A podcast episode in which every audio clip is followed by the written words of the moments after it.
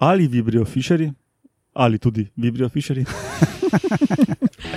Zdaj, ali vibrijo, Ja. ali, ali tudi vibrijo. Pa njih ali so mogli sprejeti.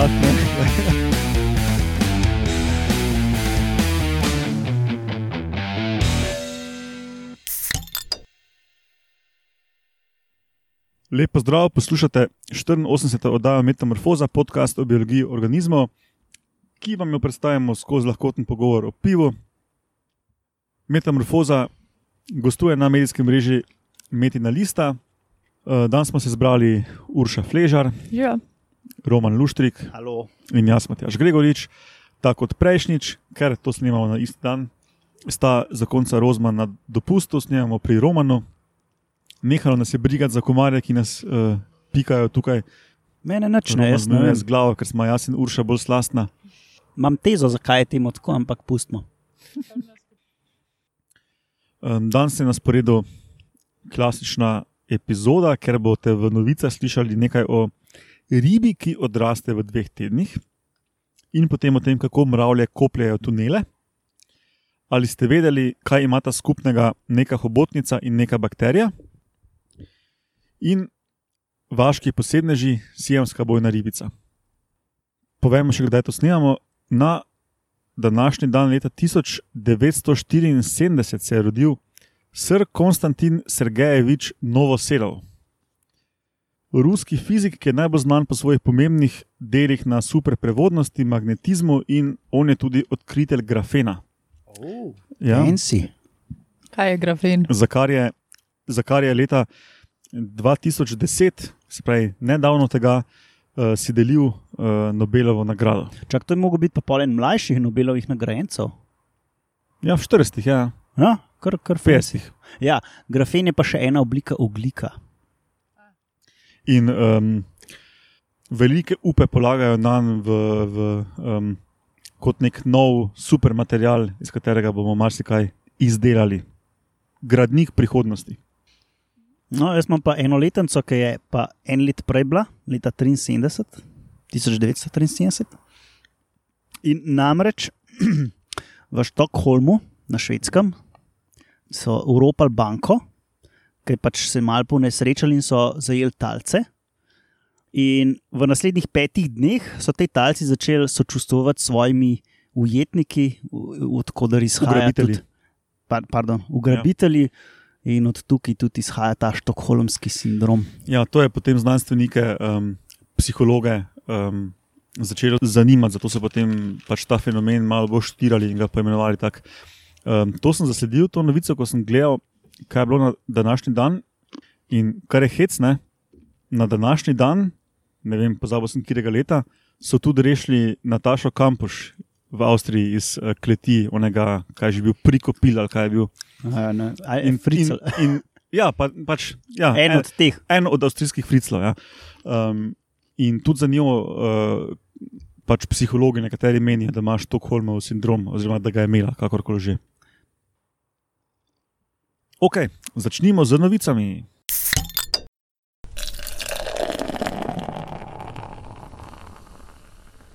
Meni je bila ta novica ena izmed boljših. No. Pa je bilo res hudo, prejšnjič, ko ste se pogovarjali o tistih eh, letečih pajkih, sam to je pa meni tudi totalno kul. Cool. Izvrstno, povej več. A ste sploh vedeli, da obstajajo ribe, ki so večino časa dormantne, se pravi, nekako v nekem stanju pripravljenosti, v nekih suhih razmerah tičijo kot pač jajčica, in potem vse svoje življenje, vse njihovo življenje se odvije v roku mogoče parih tednov ko pač pade dež in imajo na voljo vodo, ker so pač ribe in lahko samo v vodi živijo. A ste sploh vedeli? Take, a veš, imaš rože, ne, ali žafran, ki pač enkrat na leto zacvetijo, eh, ozelenijo, se sparijo, spet nafilajo v svojo čebulco in potem v sestavu let so pač čebulca od lehka spet čaka na ugodne razmere. To, to je čisto logično. Veliko rastlin poznamo takih, tudi žužki ful mal časa živijo kot odrasli, naprimer iz tog časa jajčec in tako naprej, ampak ribe, a ne? Vretenčari. Ja, Ja. pa še posebej ribe. Instant riba, praktično. Sem to, To se res sliši kot kili riba. Ja. kapnud. Ja. Kaj si rekel? Riba, ki je dolgo v obliki vrečke, pol pa vdaš v mikrovelo, pa to par tednov. Pojo pa zaliješ in zraste. Ne? Dejansko se to zgodi. Mislim, to je, se pravi, lahko si zdaj že mislite, kje se to dogaja. Ne? V nekih pač območjih sveta, kjer je večinoma suho, pa, pa enkrat pa ogromen dežja. Ja, prav imate, to so savane. Ne? A ni prek Murje. Mogoče bi tudi tam kaj tasga najdele. Bi jo štorkle lahko prinesli iz Afrike. Lahko delaj. Bomo šli malo raziskovati naslednjo vele, vele deževje, se pravi čez dva meseca. Takoj po Etiopiji, ki raziščemo, zakaj so uh, Zebre črtaste. zebre črtaste, gremo v prek Murje pogledati. Iskati ribe v kili- lužah. Ja. Čist možno. Lej.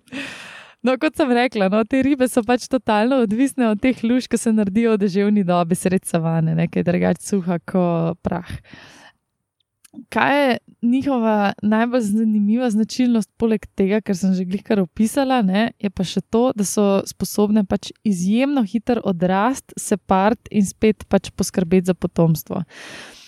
Te ribe so, za- zato jih je tudi Roman že poznal, ne, uh, že dolgo znane tudi v akvaristiki, ne, veliko z njimi delajo v laboratorijih, zato ker že nekaj časa se ve, da to so ribe, ki zelo hitro znajo odrasti in jih zanima predvsem um, v, z vidika, kako se starajo ne, in pač prenosa tega znanja o staranju na seveda ljudi. Um, in že tako so so pač, ko so v laboratorijskih razmerah, takih kontroliranih, ugotovili, da, imajo, da, so, da so sposobne se razviti v popolnoma odraslo uh, stanje, se pravi v reproduktivno sposobne osebke v roku 18 dni, je bilo to oh in sploh. No, zdaj, ko so pa ugotovili, da se pa v naravnih razmerah, v svojem pač naravnem habitatu, to zgodi še prej, v dveh tednih, 14 dneh, je pa spet pač neka, neka vele novica, no? kar, se, kar se hitrosti odraščanja tiče ne? v živalskem svetu, v vretenčarskem svetu, če temu tako rečemo. To je, to je skoraj tako hiter, kot pri uh, tistih muhah, ki smo jih imeli v forenziki. Ona Točno tudi tedna. 18 dni rabijo, da, to je pa še prej. Kar je impresivno. Ja. In mislim, to, to ribica, to je veliko 5-6 cm, ne? ampak vse en, pač iz unga embrijota v jajčecu se to tako hitro razvija, oziroma uspe potem še relativno hitro spet se spart in um, izlešti jajčeca, ki potem spet čakajo celo leto skoraj ne? na, na neke ugodne razmere. In to je zanimivo, ne? pač tam v tem prispevku, ki sem ga jaz brala, pa tudi po mojem, če malo na YouTube uh, iščete turquoise killifish, um, zdaj Romana, imamo kakšno slovensko ime. Bomo dali link v zapiske. No, drugače po latinsko je Notobranchius furzeri. To ribe res, pač imaš eno lužo tam sred blata in gomazi rib noter. In pa, ko se to posuši, rib ni več.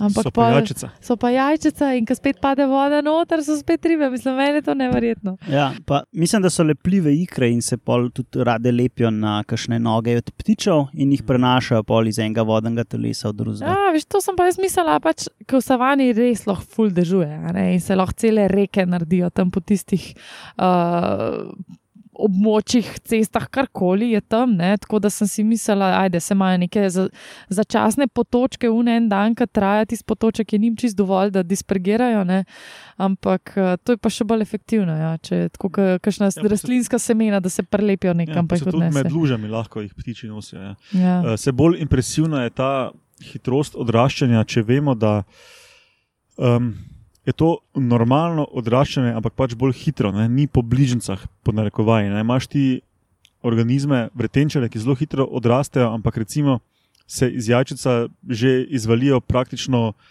oči in spolovila, ne? pa sploh ne grejo Ja. skozi, neko, skozi nek normalen razvoj. Te pa grejo skozi nek normalen razvoj, ampak pač gre vse toliko hitreje. Ne? Ja, in, to- in sploh ni ena vrsta, ampak jih je več, še to. Jaz mislim, da imam svojo novo najljubšo vrsto. pač to je res kul. Cool. Svoj, tvoj spirit animal. Ja, Urša Kilifiš. to je, to je v bistvu tudi popoln pet. Pač pozabiš na njega in ga čez en let spet se spomniš in malo vode natočeš in imaš spet ribe. Halo? Samo res čist drugače kot tisti živi kamenčki, ko, imel, ko smo jih imeli pred par epizodami. Ja, ker moraš še Ko ti enkrat vedno crkne, to ti pa nikoli ne crkne. Se pravi, to daš v glaž za vlaganje, drugo leto se spet spomniš, da je ta glaž za vlaganje na oknski polici, zaliješ z vodo in prijav ribice. ven. Ja. Kaj božična kreša, samo da so ribice. Kaj pa je božična kreša? Ne. Okay, Pač zamisel. Neki kalčki, ki jih pač po zimi lahko z- zrasteš volno hiter iz neke vate. Roman pa jaz uh, praznujemo festival, ne božič, tako da mi dva ne vemo. ne. Pogana. To je Okej. to. Pa gremo na drugo novico. Kako mravlje kopljajo tunele? Z nogicami. Bravo, Urša. Ampak tudi verjetno z mandibulami. Ali Jaz pa bi, verjetno primarno s tem. jaz bi mandibulo gibal, Ja. ampak kaj pa jaz vem. Ja, lahko da so hardcore mravlje, ki imajo ojačene nogice. Morajo primiti tisti, uh, tista zrna prsti. Kakorkoli, zakaj gre pri stvari, bomo najprej povedali. Premikanje v velikih skupinah v naravi vedno ustvari, pa tudi ne v naravi, vedno ustvari neke lokalne grupacije. Ne? Ali gre to za neke naravne stvari, recimo za skupine migrirajočih živali, ali pa pri ljudeh pešce, avtomobile, um, ali pa v telesu noter recimo neke velike skupke migri, migrirajočih celic ali pa bakterijske biofilme, vedno se ustvarjajo neke, pač naravno je, fizikalno se ustvarjajo neke lokalne grupacije. Ne? Uh, to je tudi pomembno recimo za umetne materiale, razne aktivne materiale, kot so neki aktivni geli, pa molekularni motori in take stvari. Pa ne me vprašati točno, kaj je to, ker ne vem. Uh, no, in te grupacije, seveda, so slabe, če je nujna neka stalna pretočnost gibanja. Ne? In si predstavljamo, ko gre za mravlje, ne? Da če morajo pač mravlje en čas kopljajo tisto mravlišče, ne? da pač ni fajn, če prije do teh grupacij, po domače gužve in zastojev. Pač morajo mravlje poskrbeti, da, da delo poteka brezhibno in tekoče in pretočno in z neko stalno hitrostjo. Ne? No, in tega so se lotili v tej študiji in so gledali skupine 30 mravelj, mravelj vrste Selenopsis invicta, temu rečejo po angliško američani invasive red fire ant. Um, te Selenopsis mravlje so ful invazivne in um, v Ameriki so te zelo invazivne. Uh, no, kakorkoli, več skupin so imeli, v vsaki skupini je bilo 30 mravelj, barno so jih označili, da so imeli lepe barvne zadke, ne, da so jih lahko spremljali, in so ugotovili, da v skupini 30 mravelj aktivno koplje 3 do 5 mravelj, druge pa čakajo okoli in preverjajo, ali, one, ali onih 3 do 5 še vedno dela. To, to so take balkanske. a?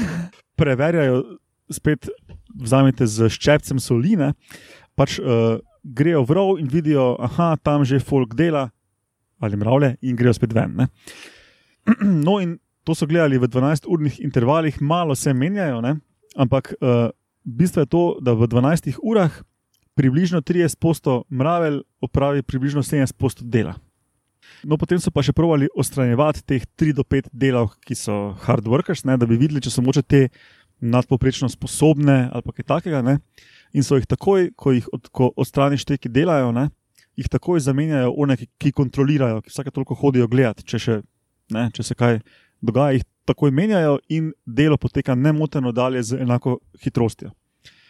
No, potem so pa, ker pa pač mravelj ne moreš eksperimenta, eksperimentalno prisiliti, da jih dela 3 do 5 ali pa 20 od 30, ne, ne moreš jim reči, zdaj pa vsi delajte. Ne.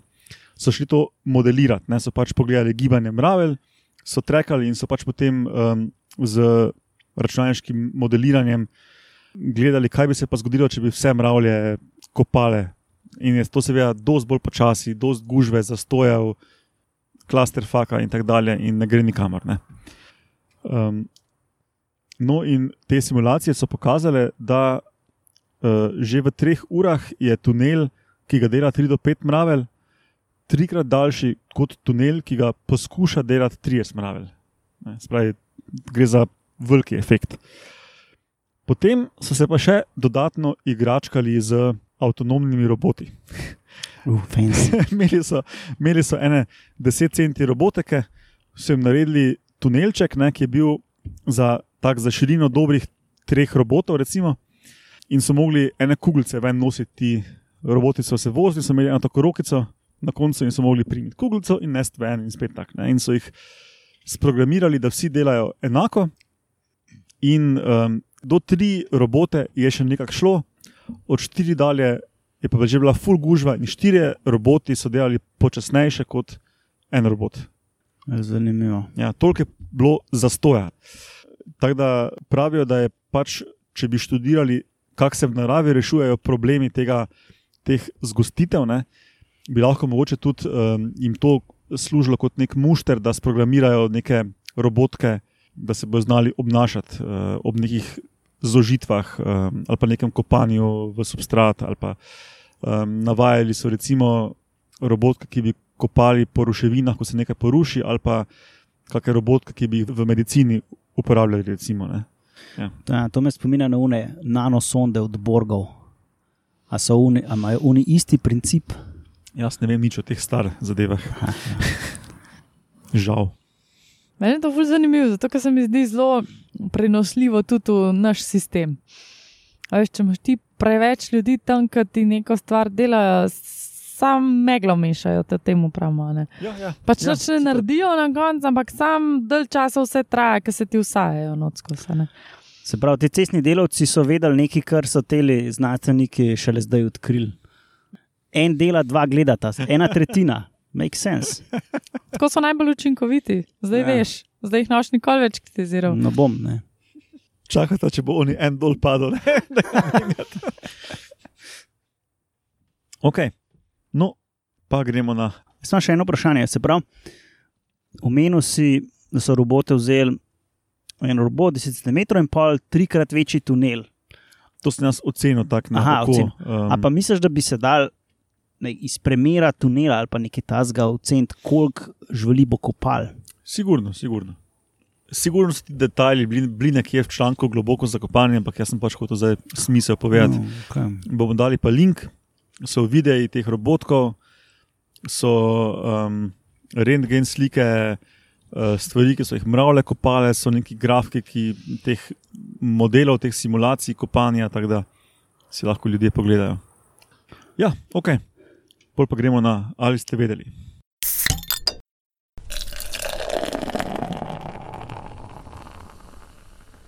Ja, to sem naslovil, kaj ima ta skupnega, neka hobotnica in neka bakterija. Čeprav bi lahko bilo neka bakterija in Nek ligen. ne, v bistvu ne bi smelo biti hobotnica. Sipa bi moglo biti. Pa blizu je, ja, neki zlovkam tam, Glavonožec. pa stinto. To sem zdaj opazil, ko, ko sem začel o tem govoriti. Komaj. No, kakorkoli, sipe in neka bakterija bi bilo mogoče prav. Torej, ta sipa sliši na latinsko ime Euprimna scolopes ali po angliško Hawaiian bobtail squid. Roman sounds familiar? Ne, Sploh Roman ne. skima z glavo. Gre za ene male sipe, nočno aktivne, velike so tam 3 centi do maksimalno 2,7 grama. Lušni. Ja, ene male lušne, ki bi lahko bile uh, fajn hrana za marsikoga. Drugi um, v tej enačbi je pa, je pa bakterija, ki sliši na ime ali Vibrio fišeri, oziroma včasih in dosti bolj znano kot Vibrio Vibrio fišeri. Tako, ja. A bakterije slišijo? Seveda, ta sliši na svoje ime. No, kakorkoli, ja, pač v nov rod so predstavili Ja. bakterijo, ki je ful poznana in vsem znana kot Vibrio fišeri, ampak ali Vibrio fišeri. Very nice. No, gre za gram negativno bakterijo, Kaj to pomeni? da ima take onake, da ima tako in onako celično steno, pustimo ja. podrobnosti. Uh, pogosta v morju in ful znana po bioluminescenci. Ne, In tukaj tudi se zgodba uh, postane zanimiva. Ne. Namreč ali Vibrio fišeri, ali tudi Vibrio fišeri, zdaj, ali vibrijo Ja. ali tudi vibrijo. pa glih ali so mogli sprejeti. Dobro, vsaj v slovenščini je to čudno, no, ampak je v simbiozi z več organizmi, ki potem mm Mhm. -hmm. bioluminescirajo s pomočjo te bakterije, račun, ne, ja. na njihov račun, tako roman. In najbolj znana, ali pa vsaj ena najbolj znanih, je pa simbioza s to sipo, s to Hawaiian bobtail squid. Nisem sploh poskušal tega prevesti, ker je brez veze. A veš, da ko si začel razlagati, sem hotla reči, da se svet po noč. Ja. No, ta sipa ima v svojem plašču tako imenovane fotofore, fotofore, kakorkoli, uh, specializirane organe za produkcijo svetlobe. Fotofore. To je spet en taki izraz. Uh, To pa ful fajn je znati več jezikov, ker tako le ful zanimive stvari vam pridajo. no, in kot si bi lahko mislili, v teh fotoforih je afišeri. In um, ti organi aktivno vzpostavljajo kulture teh fišerij bakterij in se znebijo kompeticije. Kako točno to poteka, ni znano, ampak pač okolje v teh organih je ugodno za prav to bakterijo, ki je v tej simbiozi. Ne. Ful zanimivo. Ja, ful zanimivo. No, in ta bakterija, A. fišeri, dobi preko mukusa, preko sluzi v teh organih, dobi hranila ne, in v zameno sveti. E, Namreč sipa, ki je nočno aktivna, e, pač plava tam po morju, in plenilci, ki bi jo gledali od spodaj, ne, pač na vzgor se vidi neka luna, ki sveti, bi ta sipa izgledala tako lepa, slastna silhueta. Ne, Um, ker pa so ti organi, ti uh, fotofori, nameščeni centralno, tako v, v, v središču telesa, ne, se ta sipa po spodnji trebušni strani sveti in od spodaj ne, zgleda pač kot nekaj prozornega, nekaj, kar se pač skozi luna preseva. Ne, in, in potem razbije malo to slastno senco in sklepajo, da pač uh, s tem prevara potencijalne plenilce, da je pač ne vidijo kot en slasten uh, 3 cm. 2,7 grama težki zalogaj. Bite-size kalamar. Baj, točno to, ja, da pač to ni nek suši, ne, ampak je to pač nekaj, ne vem, plastična vrečka. Recimo, ne. A pa uporabljajo to pa tudi uh, za uh, iskanje spolnih partnerjev? To pa ne vem. Ne vem, koliko lahko aktivno regulirajo. Ne, če, uh, mm -hmm. to, um, ne vem, koliko je to ja, um, prepoznavanje vrste. Uh, no, kakorkoli mlade sipe morajo to pridobiti iz okolja, se ne prenese iz staršev. Uh, in blizu teh fotoforov izločajo spet eno sluz, ne tako zelo viskozno sluz, na katero se potem ujamejo bakterije, ki tam pač prosto plavajo v morju. Ne. In ujamejo se seveda te afišeri in še en kup drugih bakterij. In spet je nek čuden mehanizem, ki je še ne poznan, da afišeri vedno outcompita, se pravi, premaga v tej kompeticiji, premaga vse druge bakterije in se prebije z svojim malim bičkom skozi, skozi nekih šest reše tam, je, se prebije v te pač svetilne organe, fotofore in tam se razbohoti in je v novi simbiozi. Ne. Zanimivo, mogoče pa tako selekcionira, ja, da so tiste reže nekako selektivno propustne za to bakterijo. Ja, mislim, jaz bi mislil, da že mukus je uh, okolje, ki daje tej bakteriji prednost. No. Mm -hmm. Tako bi si jaz mislil. Pač, Ja, um, ja, no, pa še zraven tega, ne, pa te sipe ventilirajo vsak dan in um, izločajo z sluzjo odvečne bakterije ven. In um, jih meni, da 90% na dan pač ven iz telesa vržejo, te bakterije se itak skozi namnožijo, ko zmešane. Ne? In ne vejo čist dobro, ali je to tudi mogoče mehanizem, da je potem tam v tistem lokalnem okolišu um, večja koncentracija te bakterije za mlade sipe ali kaj takega. Ampak to se meni malo tako. Ja, tega, tega jaz pri vseh morskih tokovih ne verjamem čist. Jaz bi rekel, da je kaj druga za tem. Ne. Mislim, Da zelo mogoče celo uravnavajo svetilnost ali kaj takega, prek tega bi si jaz mislil. Ne. Ja, pa mogoče ohranjajo neko konstantno rast tam od teh bakterij. Ali pa to, ja. Ja. Ja. Ja. Pa teh sip si predstavljam, mogli biti zelo velik, da bi lahko tok teh bakterij ven na metal. da Ma bi- Ja, ali pa bi mogli živeti v nekih um, špranjah v skalah, da bi se to tam ohranilo v neki večji koncentraciji. Ne. Ja, ja. Uh, ja, no, ni pa to edina vrsta sipe, ki je v simbiozi s to bakterijo, tako da jih je še več, je pa ta daleč najbolj, štu, najbolj študirana. Ja, ok, vaški posebneži.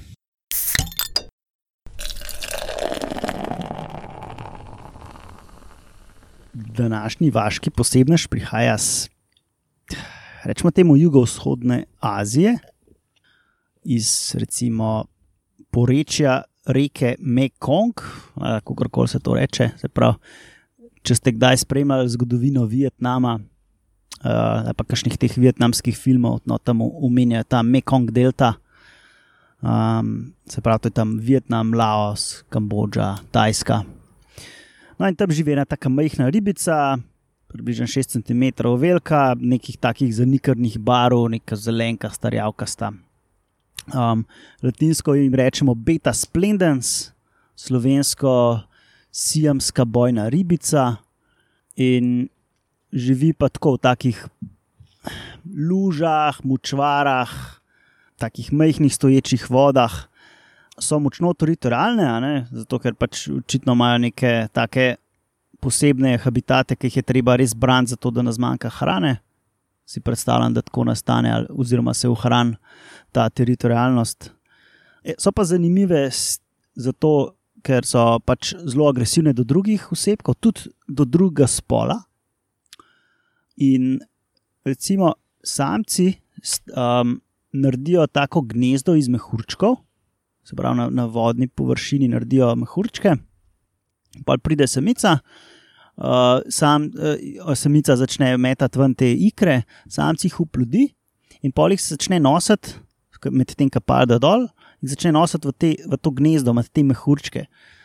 Zdaj, samica včasih lahko pomaga, ponovadi jih pa začne jesti. Tako taka instant kontracepcija. Ja, to se je pri meni zgodilo, ko sem bil v srednji šoli še akvarist. Ja, in, in zato samc je tudi agresiven do samice, ne? ker on je pač polk je fertik, ki jo odžene stran, zato da ne bi pojedla teh ikr. No, in pol samci pač te ikre imajo tiste gnezdo in skrbijo za njih, jih malo zračijo, skrbijo, da napadajo dol na tla. Um, se, po, po, ne, mislim, da po dveh dneh ali že prej se razvijajo tako majhne ličinke, s, uh, in te ličinke pa počasi rastejo. Um, in zanimivo pri teh ribah je še to, da poleg škrka imajo še en tak uh, labirint, Mislim, da se reče labirint. labirint ja, tudi po naše so labirintovci, je cela familija. Tako, ce, uh, mislim, da je še večja skupina labirintovcev, Aha, ne samo sam familija. Ja. Nitkari so tudi labirintovci. Ja, ja, ja. Ja. Um, nitkari so še ena akvarijska vrsta, popularna. Več vrst. Ja. Ja. Um, in ta labirint jim pa omogoča, da lahko dihajo atmosferski zrak. Ta labirint se jim začne formirati jim po, po nekaj tednih, Ki ga pa imajo? Um, labirint, mislim, da je tam nek na škrnih lokih, imajo nek tak organ, uh, da lahko. Uh, ni, nisem pa šel detaljno gledati. No, ampak mislim, Nem, da. Nemčija ni na splošno po velikem delu lobanja, to nekako prepredeno. Jaz, ko sem gledal, je ja. nekaj, da je na škrnih lokih še nek organ. Se, se nija veze. Ja, v glavnem, gotajo zrak in lahko celo preživijo na, na zraku. Ja, ker te stoječe vode so pač fulgravne s kisikom. Ja, sploh, če je vroče, ne, je topnost kisika v vodi fulmajhna in rabaš še nek dodaten vir kisika uh, in se zgleda to fulhrano. Se to včasih vidiš tudi. Kakšnih teh ribnikih, ki so natrpani z ribami, pa polni nekih alk in pol ribe, kar tako hlastajo po zraku, zgleda. Ja, s tem, da tukaj pri teh uh, sijemskih in prnitkarjih prav vidiš, pač ti imaš v akvariju, recimo, doski sika v vodi, običajno. Ne? Ampak vseeno, pač vsake toliko grejo gor na gladino, zajemajo zrak in spet normalno dalje. Ne? Tako da čist tak del nekega običajnega vedenja. Use it or lose it. Um, ja, te ribice so v akvaristiki tudi popularne, uh, so jih uzredili v tisoč in eno obliko in barvo. Predvsem ko, bolj bohotne plavuti imajo kot ta divje, pač ja, ta divje forme. Ne? Pa zelo barvite, bistveno ja. bolj barvite so kot divje oblike. Tako že malo grozovito, no? v bistvu tako kot kašni te gupi ali pa uh, zlate ribce. To so tiste ribe, ki jih doskrat vidite. Vsaj včasih je bilo tako, no, ne vem, če, še, če danes še tako. V nekih malih uh, lončkih, skoraj ja. no, imajo te samce z blazno velikimi repi, um, same, zato ker bi si, si bi pač stepli, če bi bili skupaj z še kom. Mm. Dole sem se jih spomnil, ali nismo mi, to nekaj delala skupaj, pri enem predmetu. Ja, pri biologiji, eh, pri ja, etologiji. Uh, etologiji, ja, na faksu. Ja. Res, oh, okay, to sem že malo pozabil. ja, ja. To smo imeli vaje, smo mogli ja, gledati. Um, Vedenje takšnih ali drugačnih organizmov. Ja. Ja. Ne spomnim se, da smo lahko skupaj, ampak. Ja, ja, ja, ja. Mislim, da so oba imela to pa da so se Marsikdo ima to, izmenjevali. ja. Ja, Aha, ja. možno, možno. Ja. Tako da, ja, v bistvu zelo zanimive ribice. Uh, pa sem šel malo gledati na netu, kako lovijo te ribice in grejo pač tako z enim cedilom za špagete, tam po tistih uh, polih riža in polih lovijo. Um, so pa čist take, se pravi, neugledne zadeve, ampak v koristiki. Uh, jaz sem jih do zdaj spoznal sam kot te res take razbohotene samce. Um, ampak ja, tako kot pri gupih, ne, se je selekcionirali v neke te brezvezne ribe. Uh, v naravi so pa tako zelo funkcionalne in lepe. Ja. Jaz, ko sem začel z akvaristiko, ko sem bil sedem let star, ne, uh, sem dobil od soseda gupje in so bili samo samci, barvitih repov, pa še te so imeli tako bolj podolgovate. Ne. Potem so se čez par let pojavili ti pačolanasti s fultakimi širokimi repi. Danes imaš že samice z velikimi barvitimi repi in, in isto imaš pri sijamskih bojnih ribicah. Tudi ko sem jaz bil še, še, še v srednji šoli pred 20 leti, ne, um, so bili, imeli samo samci velike repe, zdaj imajo pa tudi samice že ne vem kakšne. Ne. To je čist uh, vse spremenjeno zdaj. Ah, to je ta um, gen, genski inženiring. Tradicionalni, ja, ampak Ja. vse za vizualnost. Mm. Ampak moje ribe so bile bolj kul. Cool. Kili ribice so je zakon, Se strinjam. instant ribice.